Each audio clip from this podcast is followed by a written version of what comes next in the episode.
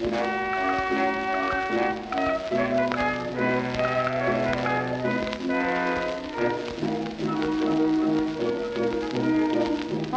often wandered down to dreamy Chinatown, the home of King Ali. It's fine, I must declare, but I am going where I can see the real, real thing. I'll soon be there in a bamboo chair, for I've got my fare from here to Shanghai. Just picture me sipping oolong tea, served by a Chinaman who speaks away up high. How come I, how come I, I'll eat my chop suey with a pair of wooden sticks, and I'll have a hop sing Lee doing all his magic tricks. Do my feet, do Lee, I hear you dig it, I feel I the little, the little, the Persze. Figyelj, tudod, mit csinálj? Hogy, ö, uh-huh. Annyit tegyél meg, hogy a, Igen. hogy a mikrofon az így nézzen. Tehát így, Tehát így, így a, az, a lábat tedd beljebb, uh-huh. a szék alá. Ez nem most Fasz- pornográfnak hangzik. így. Hát, érted, nem véletlen, hogy nem csinálunk most videót, mert aha. Itt van. Ö, és akkor ez mit jelent zöld, piros, meg ilyesmi, azt A nekem kell zöld tudni? vagy te, a fekete vagyok én, a piros Misi. wander down to dreamy Chinatown, the home of King Ali. It's fine, I must declare, but I am going where I can see the real, real thing. A herceg nem állhatta meg nevetés nélkül. Szomszédja vizsgálódva tekintett rá drót csiptetője felett. Úgy látom, Szólt szigorúan, hogy önt megfenyítették. Igen. Aljas egyének ellopták a pénzem, és rám támadtak. Ilyesmi előfordul errefelé. bólogatott. Mutatkozzunk be. Nem szokás, de hát mondhat álnevet is. Nem szükséges. A nevem Sant Antonio főherceg. Trebics. A legcsekélyebb meglete- meglepetés sem látszott Rebics úron, mintha errefelé már többször találkozott volna főhercegekkel. Jön egy pohár sörre, hercegem. Sajnos nincs pénzem. 5000 dolláromat ellopták. Úgy. Ez kínos. Felelte udvarias bólogatással. Nem baj, majd én megvendégelem. Ön elhiszi, hogy én főherceg vagyok? Miért ne? Ha ne hiszi, hogy én Trebics vagyok, Én az igazi Sant Antonio főherceg vagyok. akkor hát tudja meg, hogy én is az igazi Trebics vagyok. De kérem, hogy ez maradjon köztünk.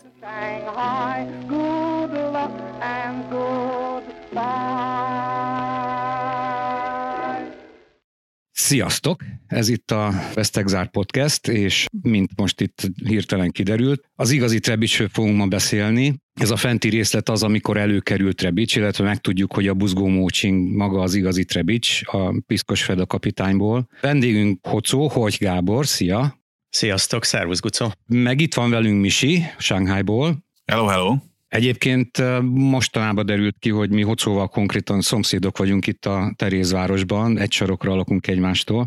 Hocó egy éve talán, ugye, vagy másfél éve csinált nekünk a Sánghely magyaroknak egy előadást a, az igazi Trebicsről, hát, tehát, Trebics Lincolnról, vagy hogy, hogy, hogy nevezzük magyarul Trebicset?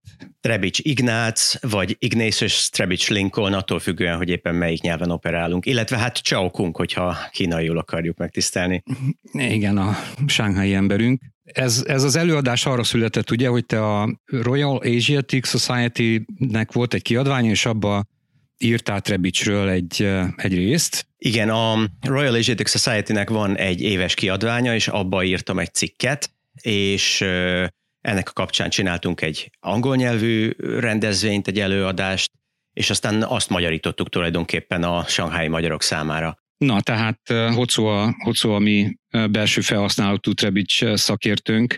Számunkra nyilván az a része érdekes az életének, ami, amiben a, amiről a múlt adásban is beszéltünk, tehát a Trebics eh, sánghái pályafutása, de azért mondanál néhány szót arról, hogy honnan indult, ugye ő, a, ő a, egy paksi rabbinak volt a fia, majd utána mindenféle szélmosságokat eh, csinált a világ minden részén, hogy röviden elmondanád az előéletét, mielőtt Shanghaiba érkezett? Nagyon szívesen. Itt ugye bele kell képzelnünk magunkat az 1880-as években, 79-ben született.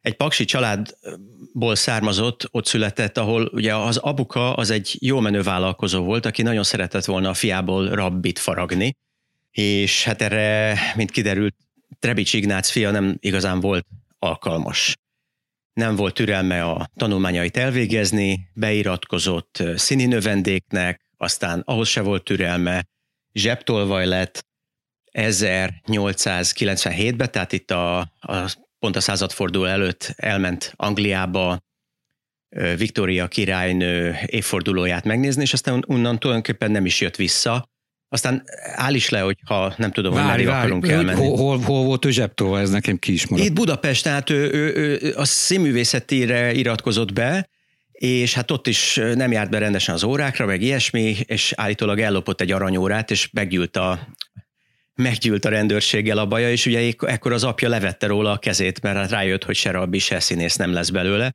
és gyorsan ki kellett találni, hogy mit csináljon. És akkor volt ez a Diamond Jubilee, ami Victoria király nőrualkodásának volt, ha jól emlékszem, talán a 60. évfordulója, vagy lehet, hogy 50. És akkor arra kiment Londonba, és hát ugye az ilyen rabbi jelölt összetalálkozott egy keresztény hittérítő csoporttal, és a, a következő pár évben ez a csoport hát határozta meg az egész egyéniségét. Ő egy ilyen kaméleon emberke volt, elvette egy híres hittérítőnek a lányát, kikerült Kanadába, ahol azt bízták rá, hogy zsidókat térítsen át a keresztény hitre, de ott elkezdte hát tulajdonképpen lenyúlni a, a hittérítő szervezetnek a pénzét, utána visszatért uh, Angliába, mert ott botrányba keveredett, rövid úton megint, uh, tehát uh, úgy kell elképzelni, hogy akkor ő már elvégezett egy hittérítő tanfolyamot, és ő aztán... De milyen katolikus, kávinista? Össze-vissza keresztelkedett különféle vallásokra, attól függően, hogy éppen hol volt a legtöbb, legtöbb lehetőség. Tehát ő, ő, metodista is volt.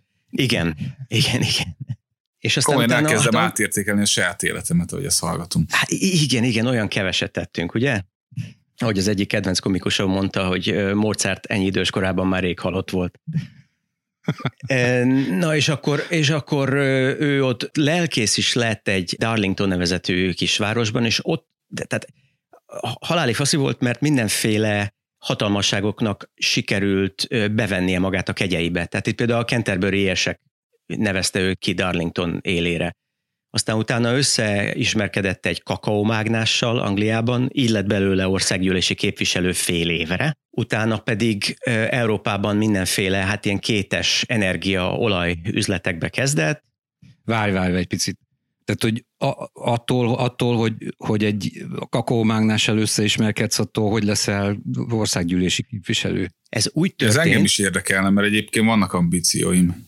Tehát Azért mondom, én próbálom összefoglalni, de ha egyes részei érdekesek, akkor nyugodtan kérdezzetek Persze. bele. E, e, a személyi titkára lett ennek a kakaómágnásnak, és megtudta, hogy ez a, a kakaómágnás volt az akkori angol anti-alkoholista ligának a vezetője. Na, és ehhez tudni kell, hogy azért Trebics e, elég normálisan ivott, de így, igen, igen, kezdettől? Igen, de valahogy sikerült neki egy tisztséget vállalnia az anti-alkoholista ligában, és emiatt ez a kakaómáglás rengeteg fontos feladatot rábízott. Belgiumban kutatta a mezőgazdasági politikát egy darabig a kakaómágnás pénzén, majd pedig hát annyira, annyira megtetszett ez a derék ambiciózus fiatalember ennek a kakaómágnásnak, hogy ő elindította a, hát a Lloyd George nevével fémjelzett választásokon, és így lett országgyűlési képviselő belőle Angliában, de, a, de az a kormány, amihez ő csatlakozott, az, az hamar megbukott. De várj, vár, vár, még, még egyszer, tehát elhitette egy antialkoholista csávóval, hogy ő nem iszik.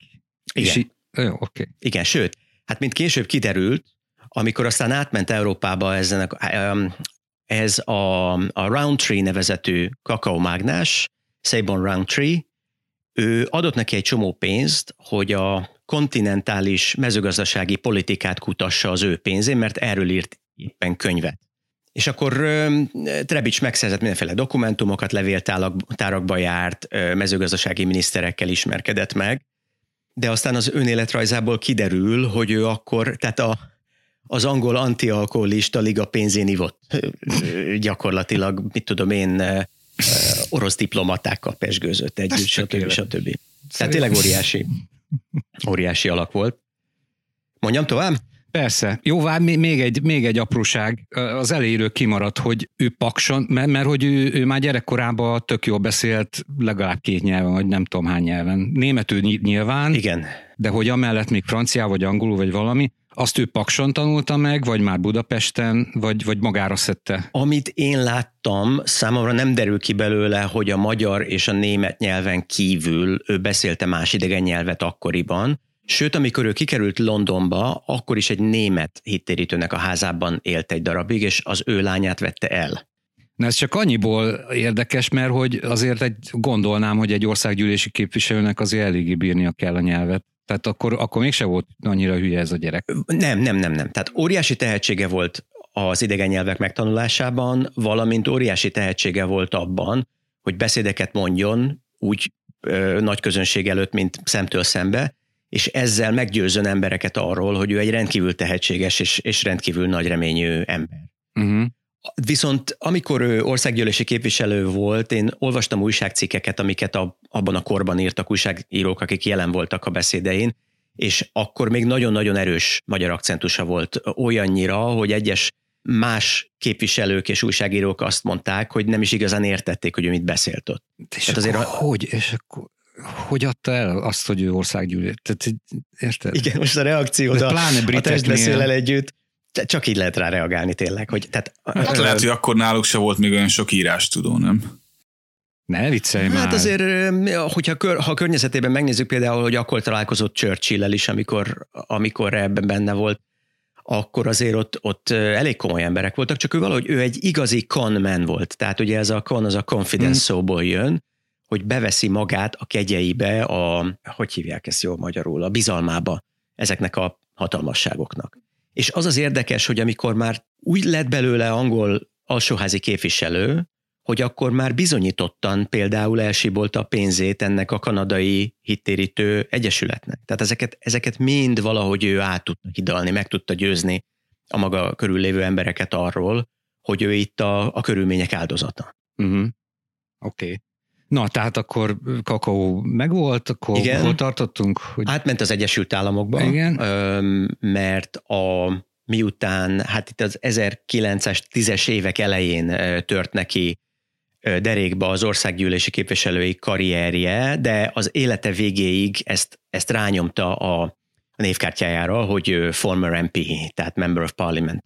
Uh-huh. És akkor belekezdett Romániában és Bulgáriában olajüzletekbe, nagyon hamar rossz emberekkel szűrte össze levet, tartozott egy csomó pénzzel, viszont ott ismerkedett meg egy csomó ilyen jobboldali politikai összeesküvővel. És a törvény elölő elmenekült New Yorkba, ott önéletrajzokat írt, megint meggyűlt a baj, a törvényen letartóztatták, és ő tulajdonképpen a második világháború végéig börtönben is volt. Ez volt az életének az egyik legjobb megbánása. Vagy bocsánat, bocsánat, Ja. első világháború. Tehát Aha. 10, 19-ben szabadult. De Amerikában. Hát ez eh, nem egészen, a, a börtönbüntetésének a felét New Yorkban töltötte le, a felét pedig eh, Angliában. Mert, na hát egy- két nagyon jó sztori. Az egyik az, hogy őt, őt börtönbe zárták New Yorkban a eh, pénzügyi csalás miatt, de sikerült neki meggyőzni a bíróságot, hogy itt ugye az első világháború kellős közepén vagyunk, hogy ő tud segíteni az Egyesült Államoknak német kódokat megfejteni. És ezért rábízta, illetve rávette őket, hogy a, a szövetségi épületben, ami egy ilyen 15 perc séta volt a börtöntől, neki engedjék meg, hogy két fegyőrrel naponta átsétáljon, és útközben megebédeljen. Ezt a két fegyőrt ő valahogy vagy lefizette, vagy rábízta, hogy hagyják őt jönni-menni. És volt egy ilyen nagyon érdekes eset, hogy a bíró, akihez tartozott Rebics ügye, az egyszer csak belépett egy, egy nagyon elegáns étterembe ott a környéken, és ott ült Trebics, több hát ilyen kétes hírű hölgyel, meg a két fegyőrrel, és iszogatta. Aztán megszökött, de mégis elkapták, és ö, akkoriban nem volt kiadatás az Egyesült Államok, de Anglia között, de kivételt tettek, és a, a, a Pinkerton nyomozó ügynökség, amit ö, Sherlock Holmes történetemből is ismerhetünk, ők jöttek át, és átvitték a, a, hát már letöltött egy pár évet, és akkor átvitték Angliába, és Angliában szabadult 19-ben. Uh-huh.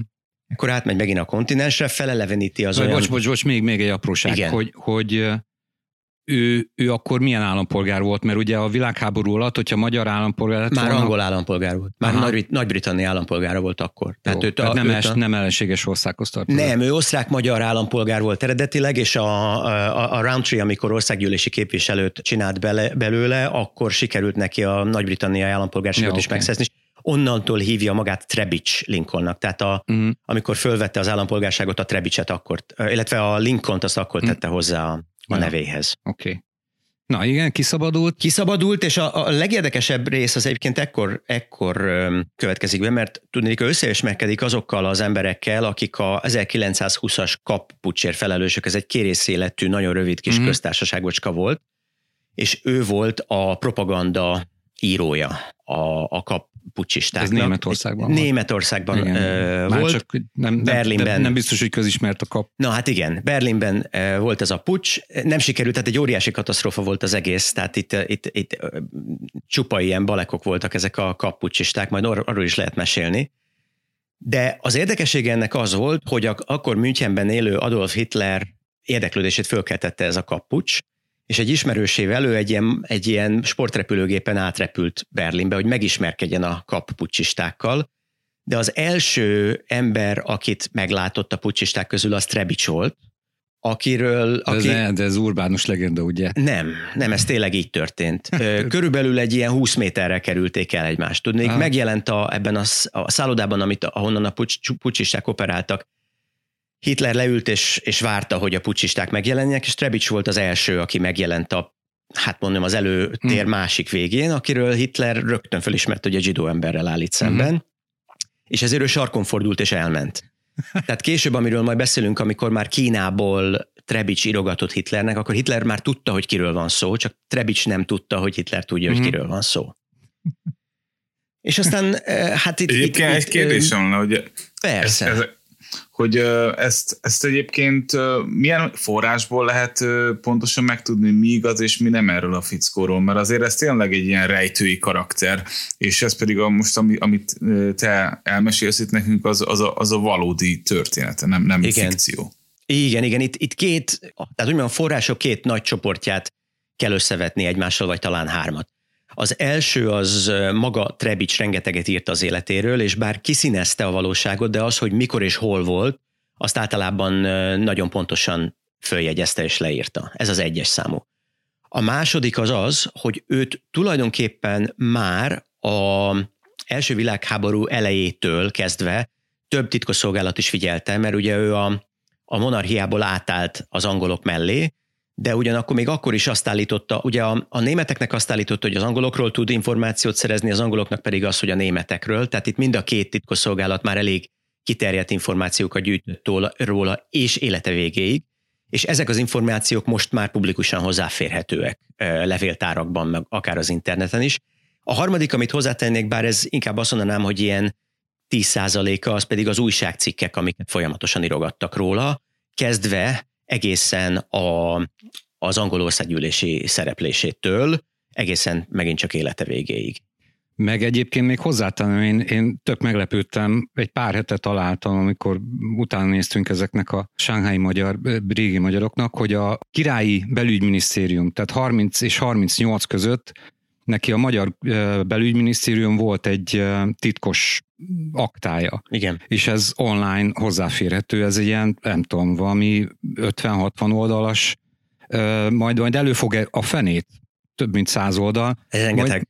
200, 210 valahány oldal összesen a dokumentáció. Mm, hát akkor, akkor ez gondolom egy, egy kivonat, mert hogy majd rá fogunk térni, hogy, hogy őrületes levelezésben volt például a magyar hatóságokkal is. Igen. Tehát össze-vissza, tehát gondolom, hogy az lehet nehéz, hogy kideríteni, hogy ebből mi igaz. Már hogy ami dokument, dokumentáció ott van, Uh-huh. most már azért elég sok zaj belekerült, mit tudom, én, 10-20-30 évvel ezelőtt ez gondolom, hogy tisztább volt, és akkoriban egyébként megjelentek könyvek is róla, azt majd arról is majd, majd később megemlékezünk, tehát valamennyi megbízható információ nyilvánvalóan van, hát meg a levéltárak. Igen, igen, tehát én, én ellenkező irányba látom menni a dolgokat, tehát egyre többet tudunk a részletekről, mert hogyha ezt mondjuk egy 25 éve megnézted volna ezt a Trevics történetet, akkor szinte, szinte csak az újságcikkek és a saját emlékiratai álltak rendelkezésre. Mm-hmm. És azóta például ez a Bernard Wasserstein nevezetű történész meginterjú volt embereket, akik még életükben ismerték Trebicset, mm-hmm elmentek a, hát az akkori gyarmatbirodalom területén, a mai Indonéziában elmentek levéltárakban, megtaláltak dokumentumokat. Mm. És például ugye a, ez a dokumentáció, amit most említettél, ez is, ha jól emlékszem, a Széchenyi könyvtárnak valamilyen elfekvő aktadobozába került elő nem is olyan régen. Tehát mm. én emlékszem, amikor ez, ez a felszínre bukkant. És mm. egyébként nem kell sokáig várni most már, hogy a magyar kapcsolat rábukkanjunk, mert mert ő a 20-as évek elején pontosan emiatt a rengeteg katyvasz miatt, amiben belekerült, tehát ő, ő gyakorlatilag magára haragította az, az európai jobboldalt.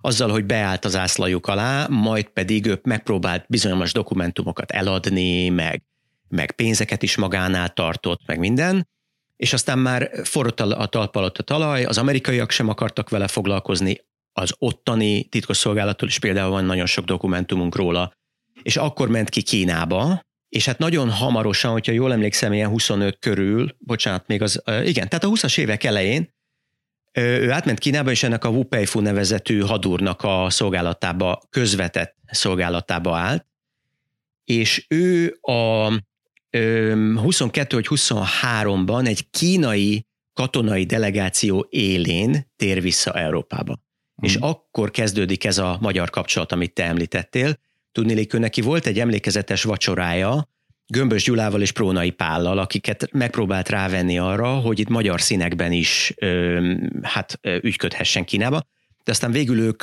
nagyon-nagyon megbízhatatlannak tartották, és tulajdonképpen ők utána már vizumot sem adtak neki Magyarországra, de, de innen indult a nagyon komoly megfigyelése Trebicsnek a magyar titkosszolgálat részéről. Tehát az, az volt akkor 30-ban? Nem, ez még 24 néhányban volt, 22 vagy 23-ban. Oké, okay. Mert ugye elvileg, ha jól látom, akkor 22-ben Sánghájba érkezett. Igen. Így, így van. Illetve pontosabban igen, több, több helyre érkezett, ő, ő, több Szecsuáni városba, tehát ő megfordult az akkor még Szecsuánsz tartozó Chongqingban, meg, megfordult Chengduban, ott összeismerkedett titkos ügynökökkel, illetve titkos ügynökökkel összekötetésben lévő üzletemberekkel, és ők alá ajánlották be Wu Peifu-nál, de egyébként ez, ezeket hogy a francba finanszírozták? Ugye börtönből szabadult. Igen. Ugye 19-ben, akkor ki kellett utazzon valahogyan Sánghájba, azért az se volt két fillér Igen. annak idején. Akkor Kínában belföldön utazni, akkoriban egyrészt kockázatos volt, másrészt meg rohadt drága, már hogy arányaiban, hogyha külföldiként nem úgy volt, hogy fölültél a izére. Igen. Gyorsvonatra, hogy ezeket ho- honnan finanszírozta?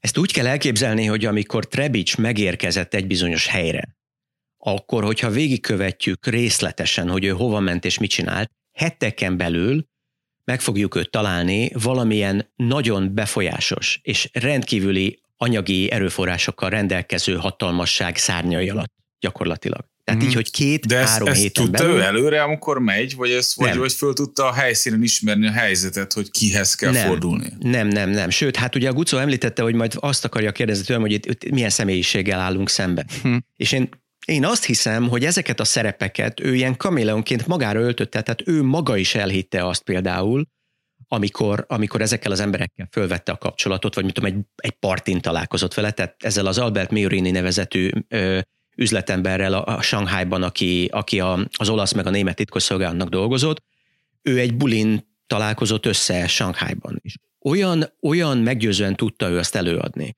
hogy ő egy volt angol parlamenti képviselő, akinek több önéletrajza megjelent, és ő az orosz és a német titkosszolgálata is kapcsolatban, elhitték neki, adtak neki pénzt, hogy utazzon, adtak neki pénzt, hogy költsön. Egészen mm. hihetetlen. És hogyha elolvasod a, a, a cikkeit, vagy az, az önéletrajzát, akkor azt látod, hogy, hogy szinte ő maga is elhitte, hogy, hogy ő tényleg ilyen. Tehát ez igazából nem hazugság volt a részéről, ez egy tényleg egy patológikus személyiségvonás volt. Mm. Nem okay. tudom, hogy így sikerült-e időrendbe állítani ugye a hallgatók számára a dolgokat, mert itt egy Igen, kicsit ugráltunk. Ne, rendben van, tehát igazából 19 után valamit csinál, tehát nincs jelentősége, mert 22-ben már Sánghájban van.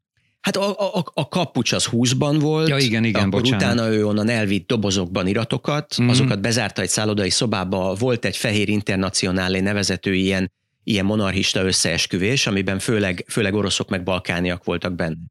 Ő felajánlotta ezeket a, a papírokat megvételre, a, a kapucs iratait a Fehér Internacionálénak. De minek?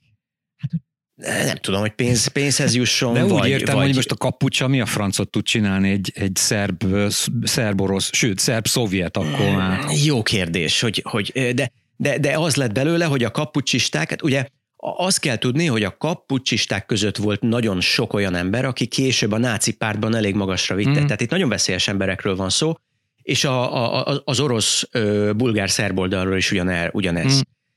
És akkor, amikor el, el akarta adni ezeket a, nem tudom, hogy ismer ezt a filmet, hogy M, vagy egy város keresi a gyilkos. Persze, persze, Na hát persze. ilyen, ilyen szituációban találta magát Trebics. Aha. El akarták tenni a kapucsisták, illetve hát ugye a, a, a, a, a majdani e, nácik el akarták tenni lábalól, az orosz monarchisták el akarták tenni lábalól, a titkosszolgálatok pedig el akarták kapni. Uh-huh. Ő elkezdett menekülni, nem tudták, hogy hol van. Triestben föltörték a szállodai szabályát, nyolc útlevelet találtak nyolc különböző névre, de őt már nem találták meg, és a következő, amit tudunk, az, hogy Kínában bukkan. Uh-huh. És, és szerinted, vagy, vagy mondjuk, a, mondjuk az e, róla elérhető információk alapján miért pont Sánkhájba menekült? Mert miért nem, nem mondjuk Dél-Amerikába? Egy, vagy? Nem, egyetlen nagy ö, általa ismert országnak sem volt kiadatási egyezménye Kínával. Uh-huh. És ezt megtudta valakitől. Aha. Aha. Tehát ilyen szempontból is nyílt város volt Shanghai. Jó, viszont akkor, tehát ő effektíve menekült akkor Shanghai-ba. Nagyon komolyan menekült, igen. És, uh, aha. És az volt a terve, hogy ő átmegy Kínába, ott új karrierbe kezd, mert ő egész életében úgy gondolta, hogy a, ő a, a körülmények összeesküvésének áldozata, de majd most ő tisztára mossa a nevét, hatalmas ember lesz belőle, volt, és volt egy diadalmenetben visszatér ilyen, Európába. indítatása, hogy tisztára mossa a nevét, hogy ez benne így felmerült? Így van. Igen. Azért igen, ez a nem igen, semmi hát, szerintem, hogy így még most nem tudom hány éves így ebbe, a, ebbe az időpontban, ahol járunk, hogy Sánkhájba érkezett, mennyi lehetett talán olyan 40 valahány, vagy, uh-huh. vagy talán, és hogy, hogy, hogy egy ilyen élettörténettel, ami az elég sűrű, ezen Igen. gondolkodik, hogy tisztára mossa a nevét. Mert hogy tényleg hát ő ezt a hatalom életlenek. segítségével képzelte el. Tehát ő úgy gondolta, hogy ha ő valamelyik, valamelyik majd a legközelebb ilyen katonai pucs, meg nem tudott, azért kell látni, hogy, hogy a kappék, a Fehér Internacionálé, Upejfú, ezek mind katonai pucsisták voltak. És akkor úgy gondolta, hogy a legközelebbi ilyenben majd ő bekerül a hatalom középpontjába, és akkor Magyarországra is azért jött, mert ő azt hitte, hogy ugye a, a gömbös meg a prónai, akik szintén ugye hatalomátvételek készülöttek, azok majd ők tártkarokkal fogják ők, őt várni, csak, csak ott már annyi titkosszolgálati információ volt az előző, hát mindenféle csalásairól, meg kihágásairól, hogy ők már nem akartak vele beszélgetni. De egyébként neki ilyen politikai ambíciói voltak, vagy világ megváltani akart, vagy, vagy pénzt akart? Mi, mi, mi, mi, volt, mi hajtotta? Hát őt a hatalom hajtotta, ő, ő előle mindig így elillant az igazi nagy politikai hatalom, ez volt az első. A második pedig, amikor a brit birodalomból őt kiutasították, tehát amikor, amikor őt, őt börtönbe zárták, majd pedig a, az első világháború végét követően kiengedték, akkor ő publikálta azt, hogy az élet célja az lesz mostantól, hogy a brit birodalmat megdöntse. Uh-huh. Mert ő bosszút, személyes bosszút esküdött erre, és a németekkel is, az oroszokkal is, a kínaiakkal is ezért szűrte össze a levet gyakorlatilag, és Kínában is azért a német és olasz titkosszolgálata vette fel a kapcsolatot, mert aztán utána itt görgetjük tovább a élete történetét, ő neki volt egy olyan elképzelése, hogy vagy Tibetet, vagy pedig egy délkelet-ázsiai, hát ugye országok akkor még nem voltak, de a, a brit birodalomnak az egyik, hát hogy mondjam, helytartóságát őt a, a németek oldalára állítja. Uh-huh. Ez volt a nagy terv. De ezek mind ilyen pragmatikus, csak a hatalom érdekében való tervek voltak. Ő neki elkötelezettsége nem volt. Aha. De, de hatalom, mint, mint ő a világ ura? Uh-huh. Valami ilyesmi.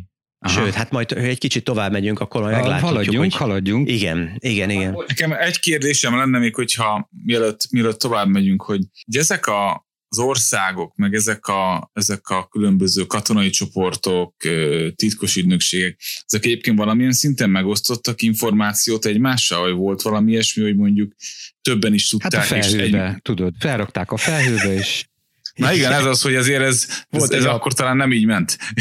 Vagy hát nem tudom. Igen. A, ugye akkor már amerikai, brit, német titkosszolgálatok, osztrák-magyar monarchia titkosszolgálata mind megbízhatatlanként kezelték. Tehát ők, igazából ők nem vadáztak már Trebicsre, csak, csak egy megbízhatatlan link alaknak tartották, és ők egyébként ez a röhely, hogy például az amerikai, az angol meg a német titkosszolgálat együttműködött egymással, hogy, hogy Trebics lincoln a nyugati világba többet ne engedjék be. Csak az volt, hogy ezek az emberek, akikről itt beszélgettünk, például Miorini, ők nem voltak benne a titkosszolgálati hatalom középpontjában, tehát hozzájuk ezek a hírek nem jutottak el.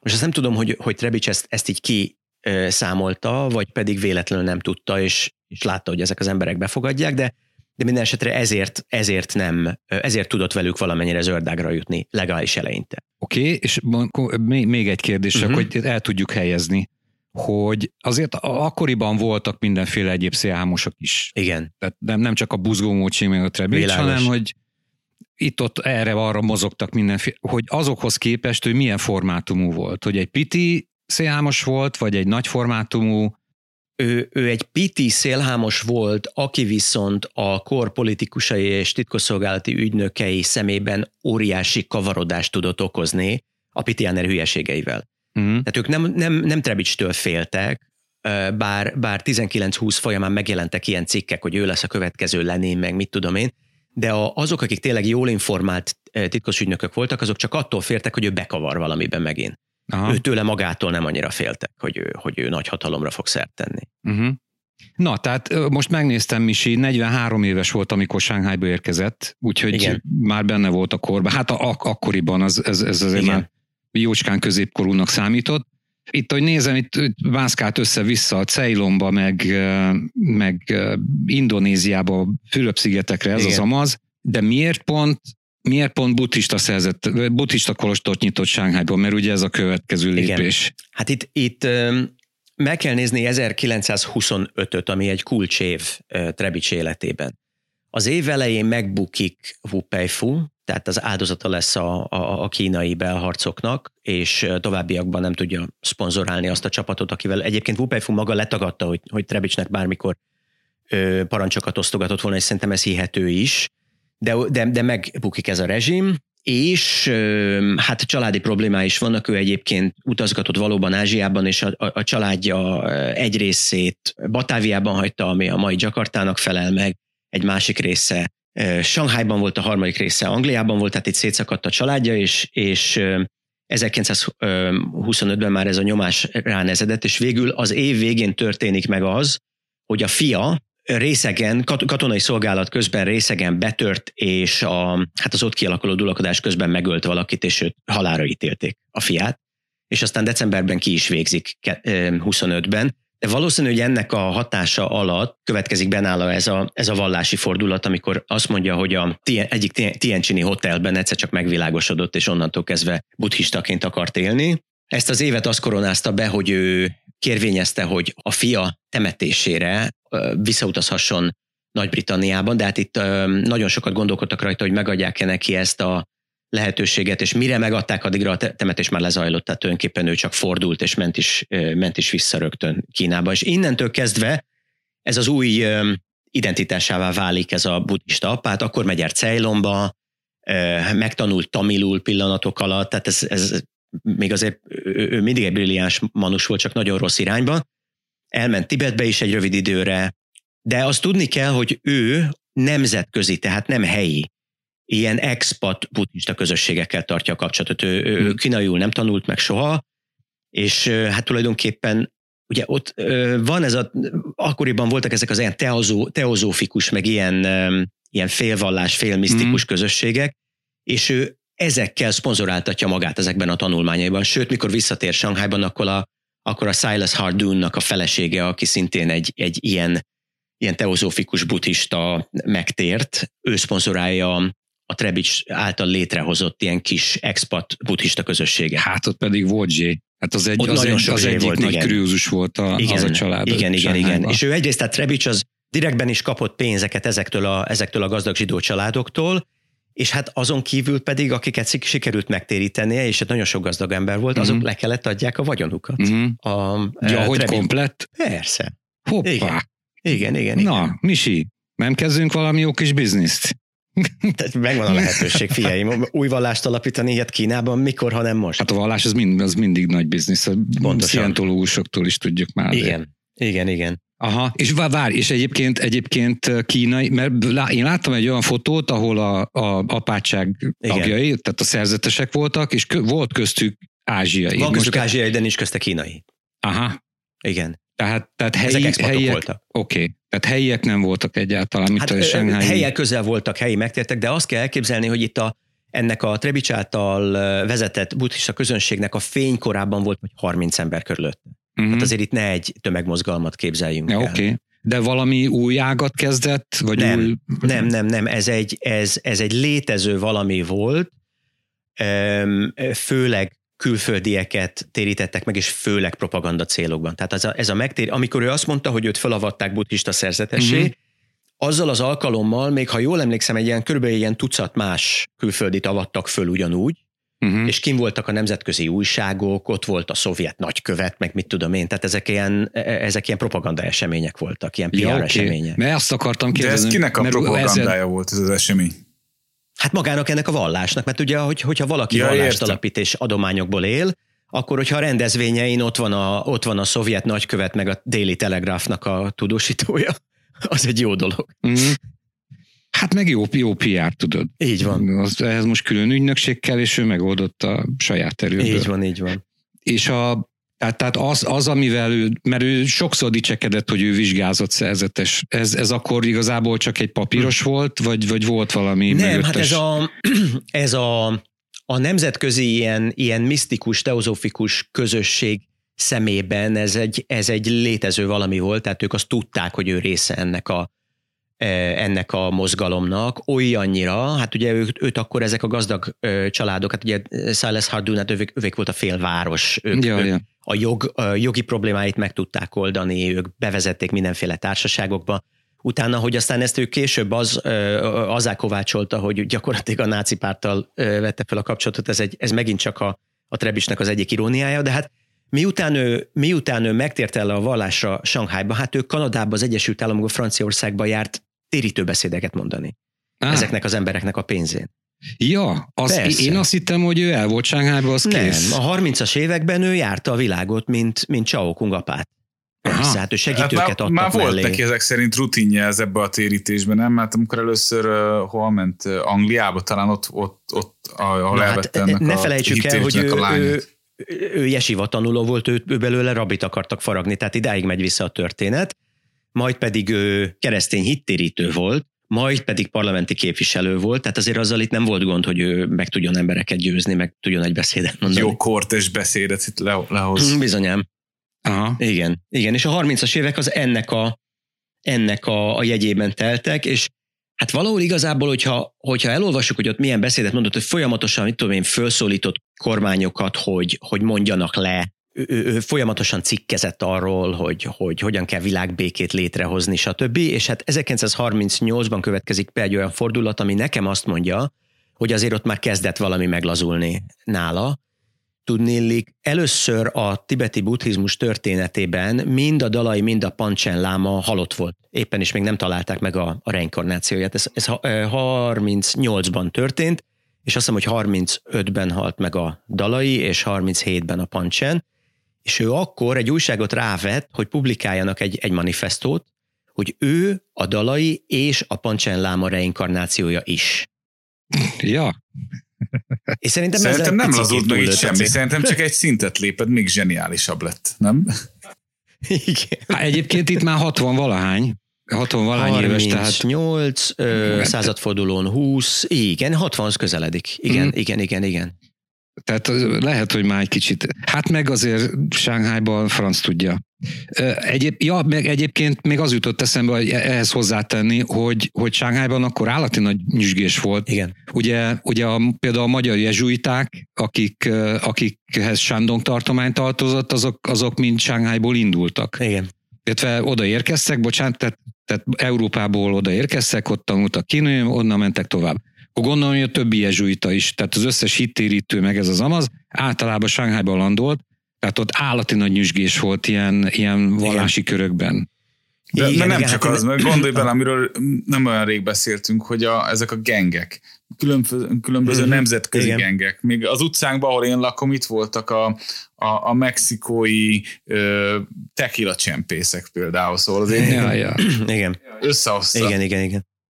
Igen, hát Trebics, ő, ő ahogy megérkezett, ő rögtön a németek ö, és az olaszokra állt rá gyakorlatilag. Tehát ő vele ta- ápolta ezeket a kapcsolatokat. Németül jól beszélt, angolul jól beszélt, latin nyelveket nem tudom, hogy, hogy mennyire bírta, de hát ö, valószínű, hogy azért valamennyire azokat is elsajátította a hittérítői tanfolyam miatt, mert ott latinul neki kellett tudni. Nem ment át a vizsgán, de, de kellett neki tanulnia.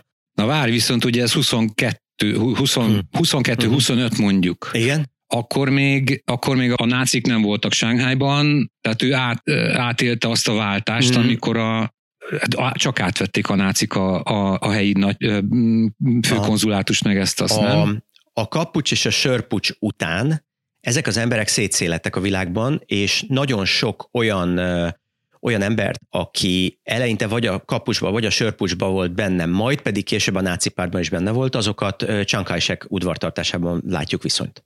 Aha. Tehát, Tehát akkor a- ő találkozott itt ismerősökkel? Igen, ő találkozott ismerősökkel, ők a szárnyuk alá is vették őt. Ő nem volt Len kantonban a Vampai katon- katonai akadémia megsegítésében, de nagyon sokan ezek közül ott voltak, tehát ők, ő, neki elég jó kapcsolatai voltak, csak ugye Wu Peifu északon volt, tehát ők, ő, ő oda koncentrált. Aha, oké. Okay.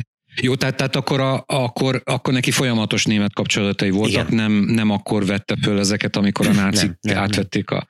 Hát meg egyébként gond, gondolom, hogy a, hogy a német diplomaták azért maradt egy csomó karrierdiplomata is, mert nyilván nem volt annyi káderük a náciknak, Pontosan. gondolom. Hát nem, sőt, itt, itt olyannyira két különböző csapatról beszélünk, hogy később a második világháború alatt a, a Himmler szárny és a Ribbentrop szárny itt egymásnak esett. Tehát a karrierdiplomaták és a, és a, és a náci, illetve SS tisztek Shanghaiban ők egy politikai háborút vívtak, amit aztán a karrierdiplomaták megnyertek gyakorlatilag. Mhm. De, de itt, itt Trebics megint csak rossz, rosszról tett, mert ő, ezek, ezek a majdani nácik közül többen Chiang Kai-shek katonai tanácsadói voltak a, a, a 20-as és a 30-as években. Tehát ő, ő ezekkel végig ápolta a kapcsolatot, ő végig próbálta magát eladni ezek, ennek a csapatnak, és hát ugye szépen lassan megyünk a, a 30-as évek végére, ez a, ez a Pancsen Dalai Láma incidens is ekkor, ekkor volt, tehát itt már 38-at írunk, Várj egy picit, várj egy picit. Ugye még nincsen internet. Honnan tudta? Mert Mit? ugye, hát ez egy tibeti biznisz. Tehát Igen. a, a, a Pancselám, a Dalai Láma, igen. Shanghai semmi köze, pláne a, a nemzetközi közösséghez, hogy ezekről hogy szerzett tudomást? Úgy, hogy ugye Vagy, vagy hogy, hogy jutott oda egyáltalán, hogy ő bejelentse a tibetieknek, akik három hét útra laktak? Igen, igen, igen. A, aki járt Pekingben, az, az valószínűleg meglátogatta ezt a Láma Koros, Kolostor Mhm. nevezetű épületet. Ott laktam mellette egy ideig. Na, tessék. Tehát eh, emlék, ez, emlékeztek rá, hogy milyen hangulat van, az a Dalai és a Pancsen Lámának is volt a, hát az volt az udvartartása gyakorlatilag, és ők, ők minden évben ellátogattak Pekingbe, mert ugye őnekik is voltak Mhm. politikai kapcsolataik, és amikor a Pancsen Láma, a Dalai Láma ritkábban, és egyébként ő egy pár évvel ezelőtt el is hunyt, de a, a Pancsen Láma, amikor minden évben ellátogatott ebbe a Láma Kolostorba, ő majdnem minden évben kérvényezte Trebics azt, hogy, az, hogy egy kihallgatást eszközölhessen ki a Pancsen Lámával, csak, csak nem adták meg neki ezt az engedélyt soha. Aha. Tehát ő neki egy kicsit egy ilyen mániája volt az, hogy a Pancsen Lámával ő majd leül és, és megbeszéli a, a Tibet jövőjét. Aha. Úgyhogy így tudott róla, mert ő hát próbálta bevenni a kegyeibe magát azoknak az embereknek, akik a Pancselláma udvan tartásával esetleg ö, kegyeket kieszközölhettek volna. Uh-huh. És uh, egyébként velük milyen nyelven kommunikált? Mert engem, én azt nagyon furcsán találom, hogy itt különböző nyelveket nagyon gyorsan megtanul, Igen. de hogy a kínai azt mondod, hogy azt nem, nem tanulta meg a kínai nyelvet. Nem tanulta legalábbis meg a mandarin jól. nyelvet. Nem, nem, alapvetően alapszinten beszélt kínaiul, de azt, azt se szabad elfelejteni, hogy ő Ceylonban nagyon jól megtanult tamilul beszélni, ami a buddhista közösségben egy, egy lingua franca volt. Már hogy ott? Vagy, vagy általában? Általában. Igen, a igen, tamil? tehát, igen, a tamil nyelv az a, a akkoriban a, a, a buddhista, hát ilyen szent szövegeknek, meg hát általában a kommunikációnak az egyik nyelve volt. És nagyon sok mongol, meg tibeti buddhista vezető beszélte azt a nyelvet. Hogy a pá, a, mert előbb, előbb ezt néztem, csak azért kérdezem, hogy, hogy itt te a tamil nyelvről beszélsz, de hogy én azt is olvastam, hogy a páli nyelvet is beszélte. Hát ehhez tudni kellene, hogy a tamil és a páli milyen viszonyban van egymással, amit én nem tudok. Aha.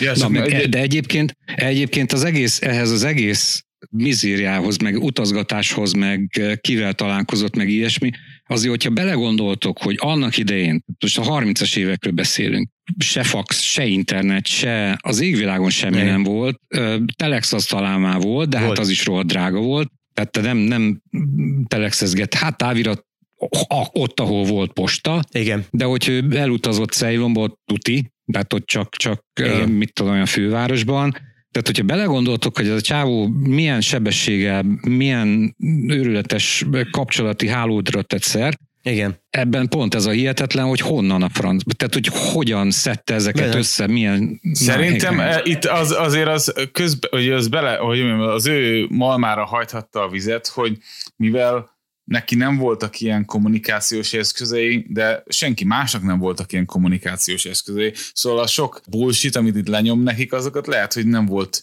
hogyha hitelesen előadta, akkor nem volt ö, arra lehetősége az áldozatnak, hogy azt valahogyan mm-hmm. is lehet. Ja.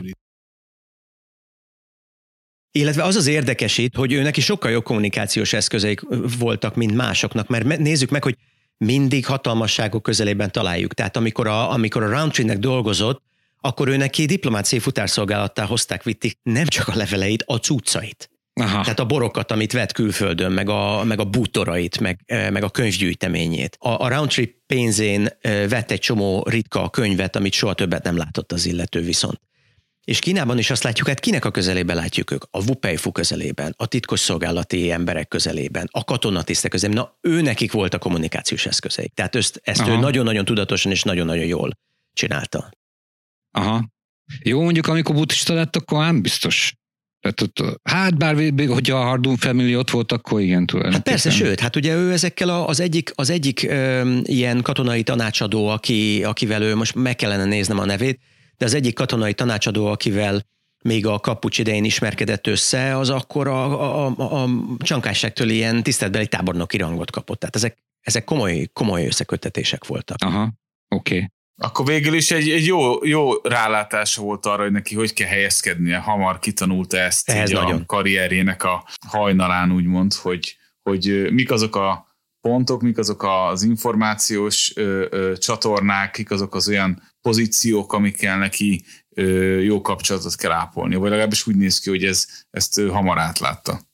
Hát ezt, ezt, ezt, ezt nézzük meg így. Aki, ha valaki ezt 22 éves korában meg tudja csinálni, hogy kinevezik egy kanadai hittérítő közösség élére, és ott, ott adtak neki házat, egy csomó pénzt, ő, a, ő minden, ami kellett neki, azt a hittérítő közösség pénzén vásárolt magának, ugye ezért is került bajba, hát akkor persze, hogy meg tudja csinálni 60 éves korában is. Uh-huh. Még egy dolog, ha, ha már itt megemlítettük a, a magyar jezsuitákat, hogy uh-huh. volt neki kapcsolata sánghái magyarokkal, az később kiderül, hogy ugye elkezdett levelezni rohadtul a magyar hatóságokkal, Igen. de Sánghájban, mert szerintem együtt beszélgettünk a Alessa nénivel, a Hugyec uh-huh. lányával, Igen. akit kérdeztük, hogy, mert ugye a Hugyecéknél volt havi magyar találkozó a kertjükben, Igen. és akkor kérdeztük, hogy ne adj is esetleg a Trebis. És akkor azt mondta, kötötte az ebet a korról, ő tutira, az biztos, hogy az volt a Trebics, mert volt ott egy nagy dumás pasi. Igen. Szerintem nem, nem valószínű, hogy, hogy ő eljárt volna Hugyechez. De ugye a többi magyarral, vagy a, vagy a szerzetesek ilyesmivel volt neki kapcsolata? Hát nézd, most találgatni fogok, mert én soha semmi olyan konkrétumot nem olvastam, hogy ő mm-hmm. milyen magyarokkal találkozott. Azon kívül, hogy a Pannonia étteremben járt, azon kívül... Hungária. Sem, vagy bocsánat, Hungária étteremben járt. A Szirma Stellához csak, hogy visszautáljunk. De ezen kívül direktben semmit nem olvastam, de én azt tudom mondani erre is a Hudesz partikra, és ha beengedték, elment. Mm. Száz százalék. Esetleg az fordulhatott elő, hogy ott egy páran megbízhatatlannak ítélték, és nem engedték be. Aha. Mert ugye a Hudesz nem volt, nem volt politikai, meg, meg próbált azért profin intézni ezeket a dolgokat, és azért akkor már Trebics az erősen a, a, a jobb oldallal szűrt, szűrte összelevet. Tehát el tudom képzelni, hogy nem engedték be, de ha, ha meghívták és beengedték, akkor biztos, hogy ott volt. Egyre biztos, hogy meghívták, mert ugye a, a Hugyecnek meg a, az apusa, vagy az anyusa révén, Aha. apusa vagy anyusa volt német. Mindegy, ott a, a családban volt német kapcsolat, és egyébként is volt német kötődése Sánghájban. Aha, na hát akkor nézzük meg ezt a, ezt a német vonalat. Uh-huh. Eltelnek a, a 30-as évek, és Németország Japánnal ápolt kapcsolatai miatt ők elkezdenek SS tiszteket küldeni a távol-keletre azért, hogy biztosítsák a Japánból érkező, illetve az Ázsiából érkező mindenféle fa, anyag, olaj és, és más utánpótlást a, háborús erőfeszítésekhez, és ott ketté szakadt a német közösség. Tehát ez lett az egyik oka, hogy mondjuk valaki őt nem megbízhatónak ítélte a következőképpen. Ott már volt, ahogy nagyon helyesen megjegyezted, ott volt már egy, egy karrierdiplomata közösség németek részéről, akik hát hosszú évek óta ápolták a mindenféle kapcsolataikat, és, és amikor átküldtek SS tiszteket távol-keletre, akkor többek között a párt azt a megbízást adta ezeknek az SS tisztekkel, hogy azért nézzenek rá a diplomatákra, hogy ők a harmadik birodalomhoz hűek maradnak-e. Azzal a, azzal a felkiáltással, hát az itt olyan, olyan diplomatákról van szó, akik 5-10-15-20 éve eh, Shanghaiban egy olyan városban élnek, amit, és itt most idézek, és elnézést kérek mindenkitől, akinek érzékeny a füle, amit zsidók, sárgák és oroszok irányítanak. Tehát attól tartottak, hogy ezek a német diplomaták közben, hát itt ugye rossz társaságba kerültek, és, és hát a, hogy mondjam, a rasszhoz és a, és a birodalomhoz fűződő hűségük hát egy, egy picit megrendülhetett, úgyhogy ezek az SS tisztek, ezek, ezek egy ilyen belső elhárítási tevékenységet is folytattak. És ezt a német diplomaták nagyon-nagyon komolyan próbálták megakadályozni. Tehát itt tartották a, a távolságot olyannyira... Mármint a karrierdiplomaták. A karrierdiplomaták. Próbált, próbáltak nem találkozni ezekkel az SS tisztekkel, eltitkoltak dolgokat, létrehoztak olyan ilyen előretolt bázisokat, nem mondtak meg az SS-nek, hogy létezik egyáltalán, stb. stb. Tehát ezért lehetséges, hogy, hogy, hogy itt is... Ez alatt az előretolt bázis alatt mit értesz pontosan? Hát úgy értem például, hogy volt egy, egy Büro Zivkin nevezetű szervezet, ami a, a, a következőből állt. Akkoriban, ugye ahogy mondtátok ti is, a, a távközlés az még gyerekcipőben járt, tehát akkor, akkor már Sankhájban évtizedek óta volt ö, távíró, de hát az ugye az egy, az egy, az egy drága, meg mm. egy mhm. eléggé ö, hát hogy mondjam, egy kicsit ilyen döcögös ö, kommunikációs rendszer, és akkor létre, létrehoztak, hát elvileg a, a karrierdiplomaták, tehát a, a német konzulátusok és követségek, valamint az SS közötti együttműködés keretében, de valójában itt belharcok folytak. Ezt a Büro Zivkint, ami abból állt volna, hogy a, a Telefunken cég behozott ilyen nagy erejű rádióadókat, és ott különféle kínai városokba betelepítették ezeket magas épületeknek a tetejére, valamint egy-két dél-kelet-ázsiai országban, Manilában volt például egy, és ott kommunikálni akartak egymással a katonai hírszerzés, az SS és a diplomaták. És beszerveztek német üzletembereket, hogy ők vegyenek részt ebben a, a hírszerzési tevékenységben. Tehát nézzák azt, hogy hova, milyen, mennyi konténer megy, vasutak, hajók, stb. stb. Például ez volt az egyik ilyen kezdeményezés, amit említettem. Mm-hmm. És itt mm-hmm. Shanghaiban volt például két ilyen, ilyen, ilyen rádióadó, de a, az, az egyiket azt nem mondták meg a, a náci csapatnak, hogy, ott, hogy oda telepítették a, az általuk ismert mellett. Na most azt, azt kell tudni, hogy, a, hogy Trebics az a náci ággal próbált meg jóban lenni, hogy a brit birodalom megdöntésére, valamint a Tibet a harmadik birodalom kezére való átjátszására támogatást tudjon szerezni. Tehát 1941-ben megjelenik Shanghaiban ez a Joseph Meisinger nevezetű rendkívül kegyetlen és borzalmasan buta SS tiszt, és megint heteken belül ö, ott találjuk Trebicset mellette, és hát Trebics megpróbálta Meisinger segítségével a náci párt pártfoglalását megszerezni erre, a, erre az elképzelésre, hogy ők egy ilyen pro-német felkelést szítanak Tibetben. Várj, ez a Meisinger akkor az SS helyi alapszervezetét vezette, vagy mi volt a funkciója? A Meisinger az, a, az, az SS, hogy hívják ezt, erkölcsrendészetének volt a, a képviselője az egész távol-keleten. Ő elvileg, elvileg Tokióban lett, kellett volna neki lennie, de ő Shanghai sokkal jobban szerette, tehát az ideje legnagyobb részét Shanghaiban töltötte. Aha.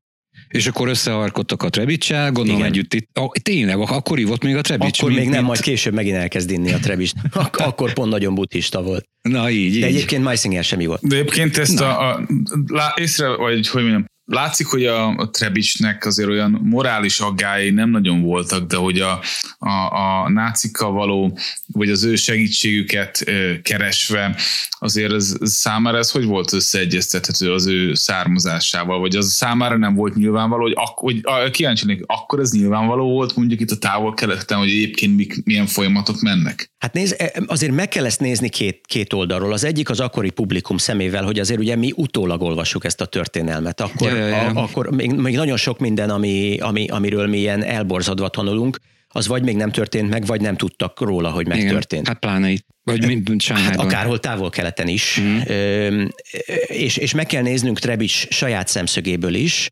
hogy ő egy, ugye 22 évesen egy német hittérítő párfogoltja volt. Ő amikor 19-ben kiszabadult a börtönből, akkor ő információkat el akart adni, brit információkat el akart adni a német titkosszolgálatnak. Tehát azért ő már nagyon-nagyon régen elhatározta, hogy neki ilyen skrupulusai nincsenek. Hmm. Na, tehát akkor megjött ez a fantasztikus német csávó, és Igen. akkor ők mit, mit kavartak együtt? Mondhatok egy pár szót arról, hogy hogyan érkezett meg a fantasztikus német csávó? Ez a, a, ez a fantasztikus német csávó, ez miután leszerelt a hadseregből, és ugye azok a, a politikai alakulatok elkezdtek e, képződni, ami, aminek a jogutódja aztán lesz a náci párt, ő Himmlernek és Heydrichnek volt a pártfogoltja ebben, hmm. és ők adták neki azt a szerepet, ezt, a, ezt az erkölcscsőszi szerepet, hogy találja meg az, hogy a náci pártban például e, kinek van zsidó szeretője, mm. ki volt börtönben, kinek a, a, a felesége volt prostituált, meg ilyenek. Tehát ez ilyen klasszikus erkölcscsőszél. Mm. És ő ezt annyira komolyan vette ezt a feladatot, hogy magában a náci pártban is rájött ezekre a titkokra, és ő kétszer is emiatt majdnem beborította a náci pártot. Egyszer, egyszer ő rájött arra, hogy, hogy két tábornoknak zsidó a felesége, illetve szeretője, azok, azok a tábornokok meg is buktak, de ezt el kellett titkolni, hogy pontosan miért és ezen kívül pedig arra is rájött, hogy, hogy magának Himmlernek a szeretője is prostituált volt, és ezt csak úgy tudták eltussolni, hogy maga Meisinger elvette feleségül ezt a nőt, majd pedig őt elküldték a Varsói gettóban egy hasonló feladatra, de ott olyan kegyetlenkedésbe kezdett, hogy a náci párt őt haditörvényszék elé akarta állítani kegyetlenkedésért. Tehát lássuk, hogy ő azért elment a végletekig, és, és hát ugye mivel, hogy ő, Heidrichnak meg, meg Himmlernek volt a pártfogoltja, ezért óriási skandalum lett volna, hogyha ő haditörvényszék elé Aha. kerül, és ezért valamikor 1941-ben, nem tudjuk pontosan uh, hogyan, őt a nejével meg a csomagjaival együtt fölrakták egy tengeralattjáróra, és átvitték Tokióba. Uh-huh. És akkor ott uh, folytatja a tevékenységét. De akkor, de hogyha ek- ekkora náció volt, akkor hogy a francba akad ő össze egy, egy sánghái magyar zsidóval? Hát ezt nem lehet tudni, egyébként, egyébként Meisingernek több ilyen húzása is volt, ő például ö, Tokióban be akart szervezni egy orosz kettős ügynököt, és ő évekig tartotta ezzel az emberrel a kapcsolatot, és mi utólag tudjuk azt, hogy, hogy ez az orosz kettős ügynök végig az oroszoknak dolgozott, és Meinsingertől tudott megszerezni rengeteg titkos információt a szovjet titkosszolgálat számára. Tehát ez nem volt egy okos ember, mm-hmm. mondjuk így. Abban, abban egyeztek meg, tehát nagyon sokat üldögéltek együtt, mind a kettő patológikusan hiú volt, mind a kettő Shanghaiban az egyenruháját, ugye a Meisinger a náci egyenruhát, Trebics pedig ezt a, hát úgy kell elképzelni, ilyen fekete sejem buddhista lebe, lebernyegekben járt, mind a kettőt ilyen nagyon drága szabóságokban készítette, mind a kettő nagyon szerette a jó ételeket, a drága teákat, stb. Tehát egy, ebben értettek egyet egymással nagyon. Valamint, hogy mind a kettő ilyen világmegváltó terveket dédelgetett, de, de rendszeresen belebukott ebbe. Tehát azért ők valamennyire rokon lelkek voltak. Oké. Okay. És mi, miben, mi, mi volt a pontos együttműködésük lényege? Vagy csak, vagy csak beszélgettek és szóban váltották meg a világot. Képzeljük el azt, hogy ott a, ott a Jingán környékén egy teaházban üldögél ez a két ember, és a következőt mondta Trebics, aki ugye jóval régebben volt ö, Kínában, tehát, tehát valószínű, hogy úgy adta elő magát Meisingernek, hogy ő, hogy ő segít neki ott megmelegedni, meg megtanulni, hogy itt, itt mm-hmm. hogy működnek a dolgok. Következőről volt szó. Tehát Rebics azt mondja, hogy figyelj, figyelj József, a következő az elképzelésem. Én már régen át akartam Tibetet játszani a harmadik birodalom kezére. Én egy buddhista apát vagyok, jártam Tibetben, ott mindenkit ismerek a buddhista közösségekből. Én Ceylonon megtanultam, és ezt, ezt, ezt mondta neki, én Ceylonon megtanultam a buddhista fekete mágia egy, egy bizonyos ágát, ami ugye, ugye Hitler szerette a varázslatot, mm. azon, kívül, azon kívül Hess, aki az egyik első embere volt, az nagy híve volt a keleti mágiának. És a következőt kellene csinálnunk. Rá kellene tennünk ennek a telefonken rádió felszerelésnek egy részére, ami ugye a Bureau Zivkinben van, uh-huh. Át kellene vinnünk ilyen rádióadóvevőket Tibetbe, és ott le tudnánk jelenteni a náci pártnak, valamint ott pro-náci propagandát tudnánk szórni Tibetben, és én a buddhista közösség segítségével tudok szítani egy náci párti felkelést, népfelkelést Tibetben. Mm-hmm. És akkor hirtelen megnyílik Kínából ugye India felé a, az út a náci, náci párt kezében. És erre rá is harapott Meisinger, olyannyira, hogy 41 tavaszán ő elment a Shanghai német konzulhoz, egy Fischer nevezető illetőhöz, és megkérte Fischert, hogy továbbítson egy levelet Hitler kancelláriájára. Amiben az volt leírva, hogy hát itt van egy nagyon érdekes Chao Kung apát nevezetű ember, nem említette, hogy Trebicsnak hívják, csak az, hogy Chao Kung apát nevezetű ember, aki, aki egy ilyen zseniális tervel állt elő, és hogy Meisinger úgy írta, hogy hogy annyi ismerőse van, olyan befolyása van, olyan, olyan zseniális ötletei vannak, hogy erről Hitlernek mindenképpen hallania kell. Plusz beleírta Meisinger is ez a vicc, hogy megígérte Chao Kung, hogy amikor belép Hitler irodájába, akkor a falból meg fog jelenni, manifestálódni fog három tibeti mágus. És ezzel fogja bizonyítani Hitler számára, hogy ő képes a, a fekete mágiáját a harmadik birodalom szolgálatába De és ez állítani. beleírta, ez a, ez a Jenny... És Meisinger ezt beleírta ebbe a levélbe, odaadta Fischernek, na most Fischer a következő dilemma elé állt. Ha továbbítja ezt a dokumentumot, akkor bohocot csinál mm. magából, és ő karrierdiplomata volt. Ja, ja. Ha pedig nem továbbítja, hát akkor ő, ő tudta azt, hogy ő Meisinger milyen kegyetlen módon állított félre embereket az útból már előtte, tehát akkor kiteszi magát ennek az embernek a, a haragjának, tehát őt, akkor őt, őt elvágták.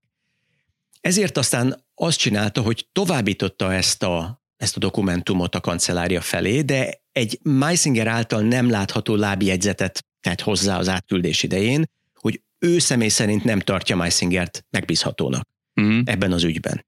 És hogyha nem baj, hogy egy kicsit tovább mondom mm. ezt még egy pár Jó, perc erejéig, akkor a sors iróniája az volt, hogy ezt a levelet átküldték, ez Hitlerhez soha nem jutott el, mert egyrészt ugye ott a, ott a kancellárián, hát ez egy, ez egy komoly ügy volt, úgyhogy ők kikérték Ribbentrop véleményét, és Ribbentrop akkor már, hát akkor, akkor már látta, hogy ő meg fogja nyerni ezt a hatalmi harcot a karrierdiplomaták és az SS között, ezért mondta, hogy hát ezt, ezt inkább tusoljuk el, ezen ne foglalkozzunk.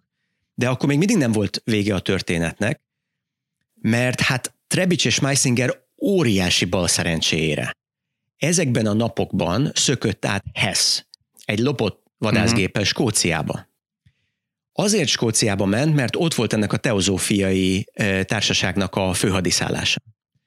És amikor ő kényszerleszállást hajtott végre, és ugye a repülőgép összezúzódott, őnek is sikerült kijönni a gépből, és erre a repülőgépre a brit titkosszolgálat azonnal rátette a kezét, átkutatták, lejegyzőkönyvezték, ebben a, a csapatban valahol, amikor leadták ezeket a jegyzőkönyveket, abban voltak német téglák.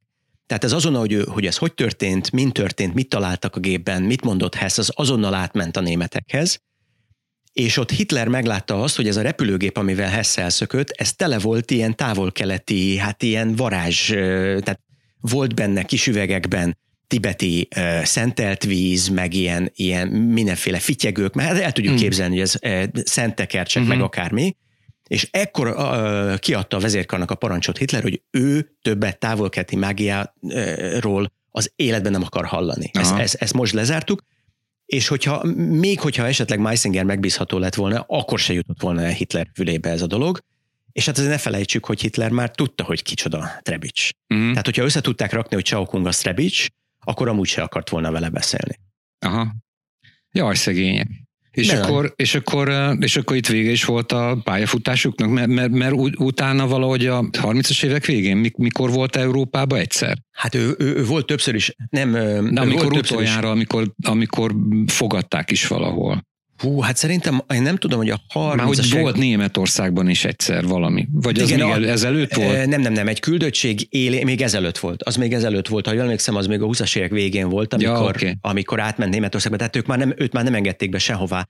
Mhm. Amikor, a, amikor a kínai katonai küldöttség idején Magyarországon volt, és, és találkozott Ja, Gömbös erre Elmek gondoltam, rónaival, erre utána őt nem engedték be egy, egy ö, ö, hát ilyen német-osztrák, valamint később ugye tenger, tengerhatalmi országba, Aha. és ő, ő folyamatosan kérvényezett később Hortinál, hogy ő hazamehessen, és el is küldte az egyik tanítvány nőjét, tehát egy, egy, egy női tanítványát ő elküldte egy, egy Horti Miklósnak címzett levéllel Budapestre, még, még a 30-as évek végén, és ez a Margaret Marcuse nevezetű, ha jól, valamelyik balti országból származott az illető, hát ilyen leborotvált fejjel, meg ilyen hosszú narancsárga köpenyben megjelent Budapest utcáin és, és a Horti udvartartásában.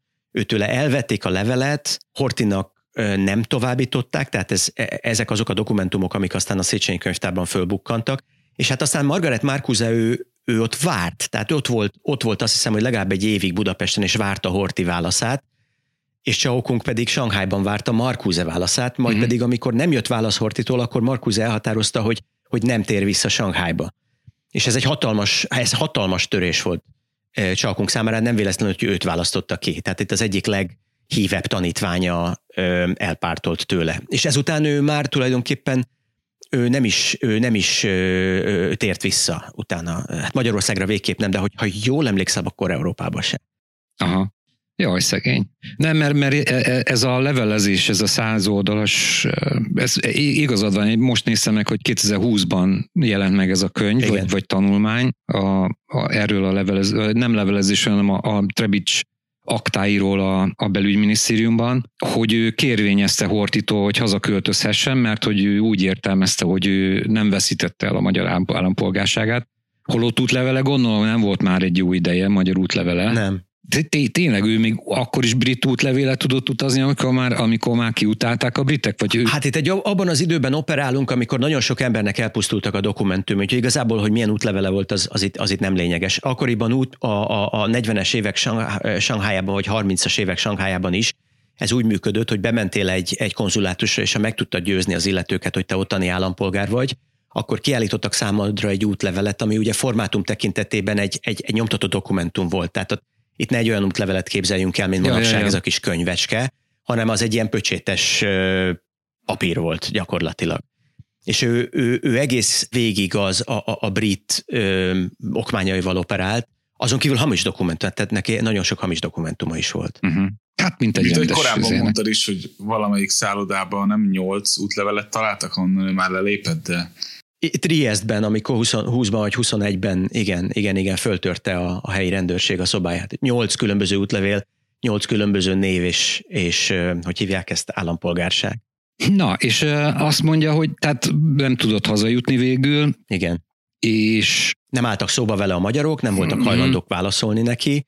Hát ez érdekes, mert ugye pár évvel azelőtt a kö- 30-as évek közepén még nagyon büszke volt rá, hogy ő kínai ruhában jár, ő buddhista apát, ő, ő átvette teljesen a kínai életformát, majd pedig a 40-es évek elején pedig már ilyeneket ír a Horti ö, udvartartásának, hogy hogy hát azért mégiscsak tarthatatlan, hogy egy, egy fehér ember, aki a sárga fajok egymás közt folytatott népírtásának áldozata, meg nem tudom. Tehát itt is már tényleg mindent kipróbált. 43-ban fog meghalni, itt már 41-ben találkozott Meisingerrel, tehát itt egy pár évről beszélünk, idegileg összeomlik, elkezd inni, elkezd húst tenni, elhanyagolja a, a, a buddhista közösséget. Azt mondják gyakorlatilag, hogy így sétálgatott Shanghaiban, és ö, akkor már a, a, amit tudunk róla, ennek egy nagyon nagy jelentős része a japán titkosszolgálattól jön, mert ők, ők, ők, ők, ők komolyan figyelték, sőt, van, aki, aki azt hiszi, hogy végül megmérgezték, az azt hiszi, hogy a japánok mérgezték, de ez eléggé kétséges. De minden esetre tudjuk, hogy egy ilyen kísértet volt. A YMCA-ben, ami egy ilyen, ilyen keresztény diákszálló, ott lakott, teázgatott napközben, aki hajlandó volt szóba állni, az, az, az, az, azzal elbeszélgetett. Egy jiddis újságnak adott interjúja az utolsó, amit, amit hivatalosan tudunk róla. uh-huh. tehát a, a, a német Jennyvel akkor megszakadt kapcsolata, miután visszautasították őket? Hát nem, a német zseni is ott volt, de hát ő ennek a kóvágásnak volt igazából a része, mert ugye miután ők ők Hitlernek megírták ezt a levelet, és erre választ nem kaptak, és azért valószínűleg a Hess incidens az így úgy eljutott Meisingerhez is, és, és, és, és Trebicshez is. Utána Trebics ilyen mérges leveleket írogatott Hitler kancelláriájának, hogy azonnal, azonnal szüntesse be a zsidó népírtást, meg mondjon le, meg ilyenek. Tehát akkor, akkor már tényleg lehet, lehet látni, hogy nem oké. Uh-huh. Na egyéb, egyébként a levelei azok megtalálhatók ebbe a, ezt, ezt is be fogom linkelni, mert ez Igen. fönt van a valamelyik archívumban, tényleg elképesztő leveleket írt. Meg van olyan, amit magyarul írt, de többnyire angolul, mert hogy hivatkozott arra, hogy ő már nagyon régóta így jobban ki tudja fejezni magát. Igen. Na, és akkor 43-ban halt meg, ugye? Elfelejtettem, mi, ő mibe halt meg? Valami egyszerű betegsége volt. Ételmérgezés volt a, a hivatalos, és, és szerintem teljesen hihető oka, mert, mert ugye ne felejtsük el, hogy ő nagyon sokáig nem ivott és nem evett húst. Tehát őt, mm-hmm. ő, ő, ő a, a, amióta megtért, tehát itt azt mondom 25-35, nem. Tehát itt, itt már 10, majdnem 20 éve. És ő ebben az időszakban elkezdett, elkezdett mindenfélét összeenni, meg összeinni. E, ez a, ez a Stella szirmai, vagy magyarul uh-huh. szirmai Stellának szeretik hívni, aki, a, aki ennek az étteremnek, mondtad már, vagy Pannonia, Hungária, vagy Hungária. Hungária. Hungária étteremnek volt a fő a vezetője, a menedzsere végül is. Volt? Ezt múltkor mondtad. A Sanghajban volt. Az a, az a Yuanlun volt, majd megmutatom. A Yuanlu uh, Volumucsilu saroktól egy 50 ja. méter. Igen, és és ők, ők, hát ő nagyon gyakran lejárt oda, lehet, hogy szeretők is voltak, ezt, e, Na ezt valószínűsíthető. Ezt, én ezt gyanítom, hogy nem. Hát akkor volt 30 valamennyi a szírma, és te valami meg 60 valamennyi. De sokan írták, tehát titkos szolgálat is so, sokan igen. írták, hogy lehetséges. Igen, hát a fene tudja, mind a ketten nagyon furcsa figurák voltak. Hát igen.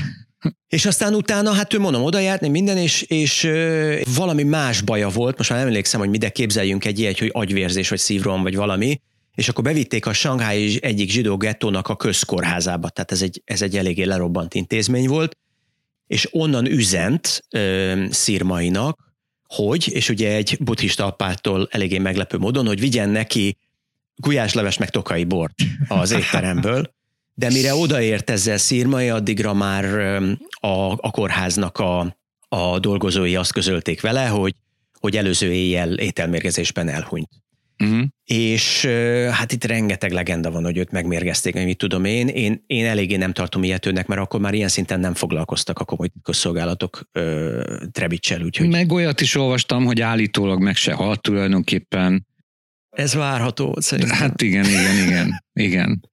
Mondjuk ez úgy, úgy, úgy, úgy a karakterhez passzolna, nem? Ez az ilyen... Temetése a... volt. Tehát temetés, a temetésén megjelent nagyon sok híresség. Na várjál, várjál, ez az, mert a múltkor, tehát ugye itt van nálam, most nem tudom nektek fölmutatni, de becipeltem, amit megvettem, a Frank László Tényleg könyve. itt van tanúsító. Frank László, melyik hol Itt van a Frank László könyve a Trebicsről, illetve nem csak a, nem a Trebicsről, hanem a Sánghányból menekültem című könyve, a, az előző adásban megvádoltam a Frank Lászlót azzal, hogy szerintem nem mondott igazat a Trebics temetéséről, ezt uh-huh. akkor légy szíves tisztázzuk. Hogy ő azt, el, írja, hogy, ő azt írja, hogy több százezer ember volt. Mert hogy azt írja, hogy ugye a Hongkong gettóban volt a Frank László, igen. és hogy akkor kiszökött. Én ezt, ezt nem tartom uh-huh. valószínűnek, mert az ott az a japánok az elég jól megszervezték, az egyik része. Másik, hogy pont éppen odaért a, a véletlenül belefutott a Trebics Igen. temetésébe, hogy több százezren voltak, hogy a főpolgármester ment elől, a japán megszállók mögötte, akkor a külföldi katonák, akkor az összes kolostornak az összes apátja, és óriási tömeg, tehát én ezt, ezt nem tartom valószínűleg. Nem, az általam látott információ alapján ez egy marhasság. Több százan, igen. Tehát a szemtanúk azon is meglepődtek, hogy több százan voltak, mert, mert ugye megjelentek ennek, ugye a, a Silas Hardun, stb. Mm-hmm. ennek, a, ennek a misztikus szektának a képviselői, megjelentek, megint csak ott voltak, mit tudom én, konzulok, de, de én, amit láttam, az mind az volt, hogy ha, mit tudom, miért jöttek el a, a Chaokung temetésére több százan, nem, mm. nem több tízezren. Na, meg egy, egyébként is, tehát ugyanebben a könyvben leír egy beszélgetést, hogy ő vagy Bécsben, vagy Berlinben, már hogy a Frank László uh-huh. találkozott a Trebicsel, egy hosszú beszélgetést, hogy a, hogy a Trebics milyen paraszt módon viselkedett, meg tudom én, Tehát én úgy, úgy érzékeltem, hogy ez a Frank László az alapvetően egy nagyon sértett ember volt, meg, meg azért elég kemény élete volt Igen. neki a, a, a tanácsköztársaságtól Pontosan. egészen 45-ig, úgyhogy, úgyhogy ő default utálta az egész társaságot, aki akiről látta, hogy jobban élt, meg hát nyilván jól nézett az ki, hogy ő írt erről egy könyvet, igen, és megemlítette igen, igen, az hát igazi is, Ugye azt abban egyeztek ketten ők, hogy olyan hatalmasságok, akikkel ők nagyon szerettek volna jóban lenni, azok őket lekezelték, és, mm-hmm. és, és valószínű, hogy hogy ugye ezen egymásnak is lehet fordulni, hogyha mondjuk a Trebics lekezelő volt, mert éppen akkor védte őt valaki, vagy, vagy befolyása volt valahol, akkor én elképzelem, hogy Frank Lászlót tényleg lepattintotta, és ezen, ezen meg lehet hát sértődni. Meggyanítom, hogy mindenkit lepattintott, aki nem fölfele volt. Tehát a lefelé rugás az ő abszolút... Nagyon jól eljátszotta azt, aki, aki tudta, hogy mitől döglik a légy, és, és őt itt védik, meg ott ezért mondom, egész életében eszmetlen drága ruhákban járt, meg mindenhova bejárása volt, tehát igen, el tudom képzelni. Mm. Jó, én eset akkor boldogtalan emberként halt meg, hogyha jól, jól értelmezem. Igen, igen, ő az élete nagy részében egyébként boldogtalan volt ő nagyon ritkán érezte a bőrében jól magát, még akkor is, amikor, tehát hogyha az ilyen, az ilyen nagyon sikeres mondjuk, és ezt és most nem látják, de én ezt idézőjelbe teszem, ha azokban az időszakban is megnéző, akkor is frusztrált volt. Tehát akkor is még úgy érezte, hogy, hogy ő nem kapta meg az, ami járt volna neki.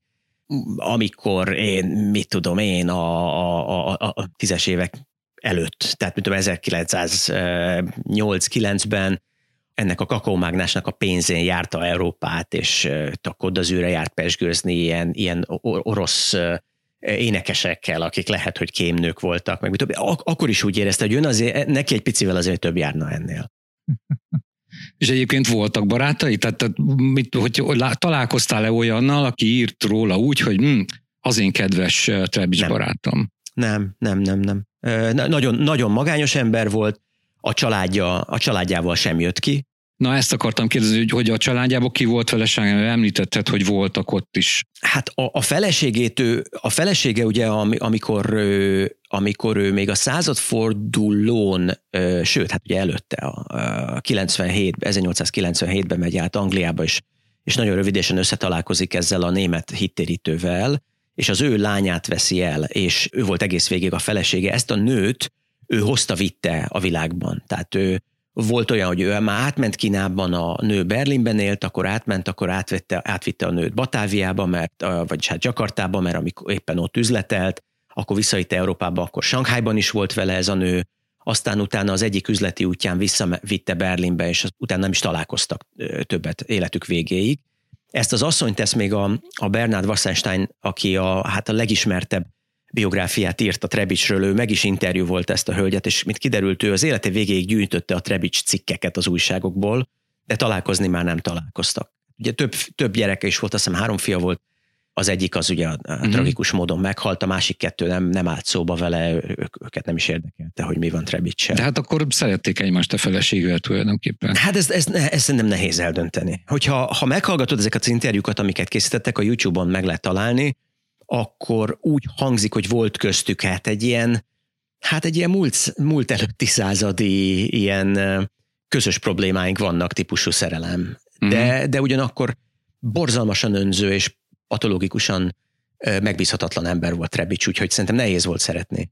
Na, szerinted milyen mentális problémái voltak, ha tippelni lehet? Hát nézd, én, én szerintem, ha Trebics egy nem ennyire mozgalmas korba születik, hanem mondjuk az 1990-es években, és sikerül neki elvégezni a tanulmányait, és bekerül egy olyan közegbe, ahol a fékezhetetlen ambíció, és az, hogy az, hogy nem, tehát a cél érdekében nem baj, ha egy picit hazudunk, nem baj, hogyha hazavágunk másokat, ez az ottani filozófia, akkor szerintem CEO lehetett volna belőle, vagy, vagy egy nagyon sikeres hát az, politikus. Az, az nem, nem, na inkább. Tehát a CEO szerintem nem elégítette volna ki, hogyha Lehetséges. Lehet attól függ, hogy minek a CEO-ja, de, de, de ugye itt ezeket az embereket, hogyha, hogyha nagyon maguknál voltak, és nagyon megvolt az elképzelésük az életről, akkor is dobálta őket az élet.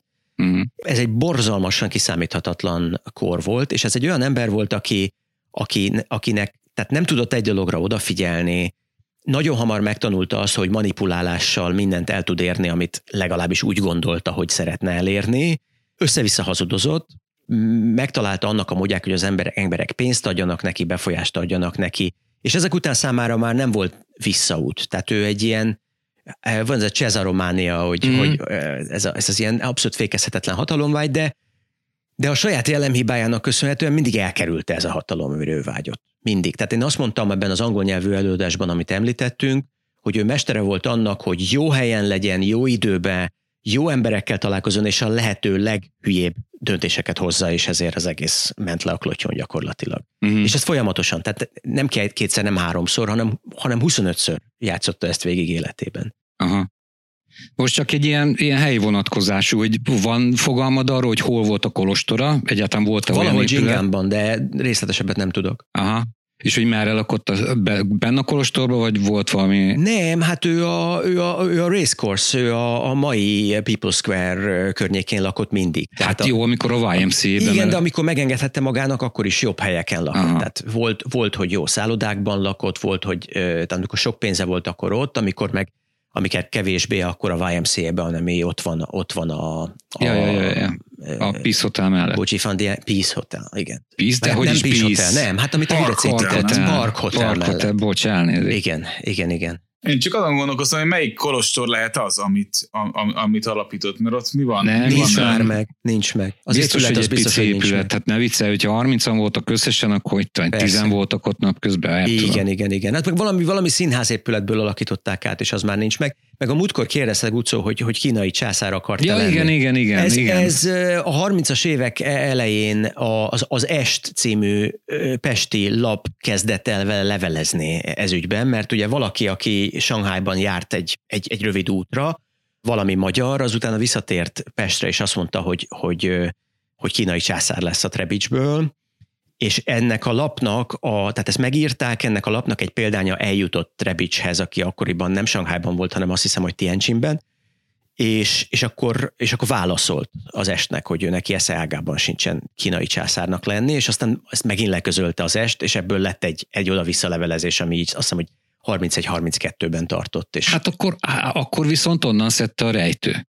Hogyne, persze, hát hogyne, a rejtő, a rejtő az, az mindenképpen a, az, az est. egyik ilyen est példán került a kezébe, mert ugye a vissza, én visszakerestem, és pontosan akkor kezdett el ezeken a történeteken dolgozni rejtő. Igen. Aha. Tehát az Na, est, az est ezen gondolkoztam ő. én is, hogy ez hogy, hogy került bele a könyvbe. Hogy, Így. Um, hát mi az, hogy könyvek? Vagy könyvekbe, igen. az est, szerinted akkor az újságcikk alapján, vagy, vagy azt hát, igen, sok igen, igen, sőt, róla? Eh, Gucó, majd belinkeljük ezeket az Persze. újságcikkeket, és le lehet ha, ha megvan neked. Megvan, megvan. Na, mert, mert tehát, tudod, nem tudom, ti hogy voltatok vele, amikor én olvastam, hogy ja, igazi, igazi treb, és valami marhaság biztos, hogy rejtő kitalált, hát a buzgó mocsingért. Na, ugyanaz a hülyeség, de hogy annyiszor előfordul, és akkor ugye az ember ugye elgondolkozik, hogy biztos van, tényleg lehetett valami ilyen, és lehet, hogy akkoriban, hogy aki sűrűn olvasta az estet, az talán emlékezett még egy évvel később, kettő, de hogy azután beszéltek nem létezik. Hogy ne, hát beszéltek róla, hát ezt lehet, lehet Na jó, tudni, de nem évekig meg... volt. Nem, nem, nem, de hát ezt ismerték akkoriban ezt a sztorit, most mit tudom én, úgy, ahogy, úgy, ahogy annak idején mi magyarok ismertük a Csicsolina sztoriát, tehát így röhögtek rajta az emberek. Uh-huh. De nem tudták, hogy ki volt a Trebics, csak annyit tudtak, hogy van egy magyar hát, ha, pasi ha, akkori, ha akkori Pesten megfordultál volna, akkor az angliai tevékenységét ismerték. Igen? Igen. Na. Igen. Igen, annak elég jó sajtója volt. Aha. Hogy volt ez a, volt ez a, volt ez a lökött magyar, aki ott ilyen eh, hadarva és rendkívül erős magyar akcentussal beszédeket mondtam, amit senki nem értett. Aha. És hát aki, aki esetleg egy kicsit beleássa magát az ilyen Kínával kapcsolatos szélhámosok történetében, akkor még, egy adalékot a, a vége előtt hozzáteszek, hogy amikor ő országgyűlési képviselő volt, akkor őt egyszer, sőt többször is ő meghívta egy, egy társ képviselője a, a, az angliai birtokukra, és ez a társképviselő, ez a testvére volt Edmund Backhouse-nak, akit esetleg néhányan ismernek, aki egy Pekingben élő angol szélhámos volt, aki azt állította nagyon sokáig, hogy ő Cüssi anyacsászárnénak volt a szeretője.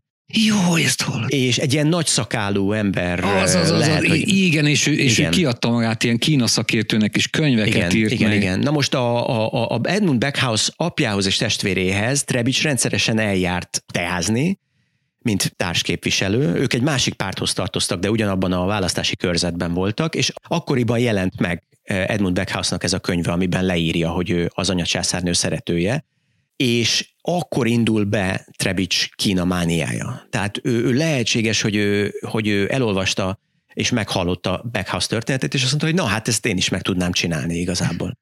Zseniális, az egyik szélhámos a másik szélhámostól szerez inspirációt végül is erről. Hát igen, hát azért valahogy neki kell vágni, Misi, nem úgy van az, hogy... Kellenek a példaképek az életben, szerintem gyerekek, ez a mai hát műsor. Ez, ez, ez egy igazi ikon azért, azért a maga módja. Na, szerintem nagyon jó kis végszó megint. Köszönjük Szerintem szépen, is. Ocó, hogy, hogy ennyi információ elláttál minket, hát ennek a tizedik nem, tud, nem tudjuk szerintem. Be fogok linkelni, van, van néhány könyv, ami megjelent Trebicsre az utóbbi, hát mondjuk 40-50 évben, a múltkorban volt pár évvel ezelőtt egy elég hosszú cikk, amiben nagyon sok részlet megjelent, és ez a Vass, Vass, Wasserstein. Wasserstein, igen, ugye, ugye ő a legnevesebb életrajzi írója hát, a Trebicsnek. Ő, ő az, aki a legjobban összeszedte Trebics életrajzát egész addig, amíg meg nem jelent ez a 2020-as gyűjtemény. Aha. Tehát ő már nem tudott, nekem a Wasserstein segített az én, én kutatásomban, és ő nem tudott erről a erről De neki a egyébként honnan, honnan van egy ilyen becsípődése valakinek? Hát ő egy történész, ő egyébként, ha megnéz megnézed, hogy, ezek, hogy ezen a könyvön kívül mikről írt, akkor, akkor látod, hogy a témák azok itt Trebicsről két, két lépéssel jobbra, két lépéssel balra, tehát ő, ő, ő, ő egyszer csak rábukkant erre a történetre, és beleszeretett, leveleztünk egy jó ideig, amíg én az angol nyelvű cikken dolgoztam, és én, ő, ő, ő meglepődött ezen a, ezen a hort is, meg, meg gömbös is kapcsolatban. az előbb, Hocó, de, de te miért kezdtél el ezzel a témával foglalkozni? Hát én a, a, a rejtőimádatot a családomból hozom, tehát nekem, nekem apám adta oda az összes rejtőkönyvet, és aztán én, amikor a, amikor diplomáciai akadémista voltam, akkor jöttem rá erre, hogy ez egy magyar ember, aki angol képviselő volt, és Kínában is volt, és aztán amikor megérkeztem Sankhájba, akkor onnantól nem volt visszatérés, tehát én megpróbáltam összeszedni minden, amit tudtam. És, és mondom, Gucó, nagyon szépen köszönöm, hogy meghívtál a műsorba, és beszélhetek erről, mert a, a családom már eszmetlen mértékben unja Trevis És nagyon köszönöm mindenkinek, aki ma meghallgatott erről. Jó, köszi, köszönjük szépen, Ocó. Misinek egy jó éjszakát. Kedves hallgatók pedig szeressenek minket, és kérdezenek nyugodtan továbbítani fogom a kérdéseiteket, hogyha vannak az igazi Trebicsel kapcsolatban, és hát a szó rá, rá fog majd érni, mert most éppen lakást felújít. De rá fogok érni. Jó. Rá fogok érni. Köszönöm szépen. Köszönjük szépen. Köszi, Gucon. Köszi, sziasztok. Sziasztok. Hello, hello. Jó éjszakát.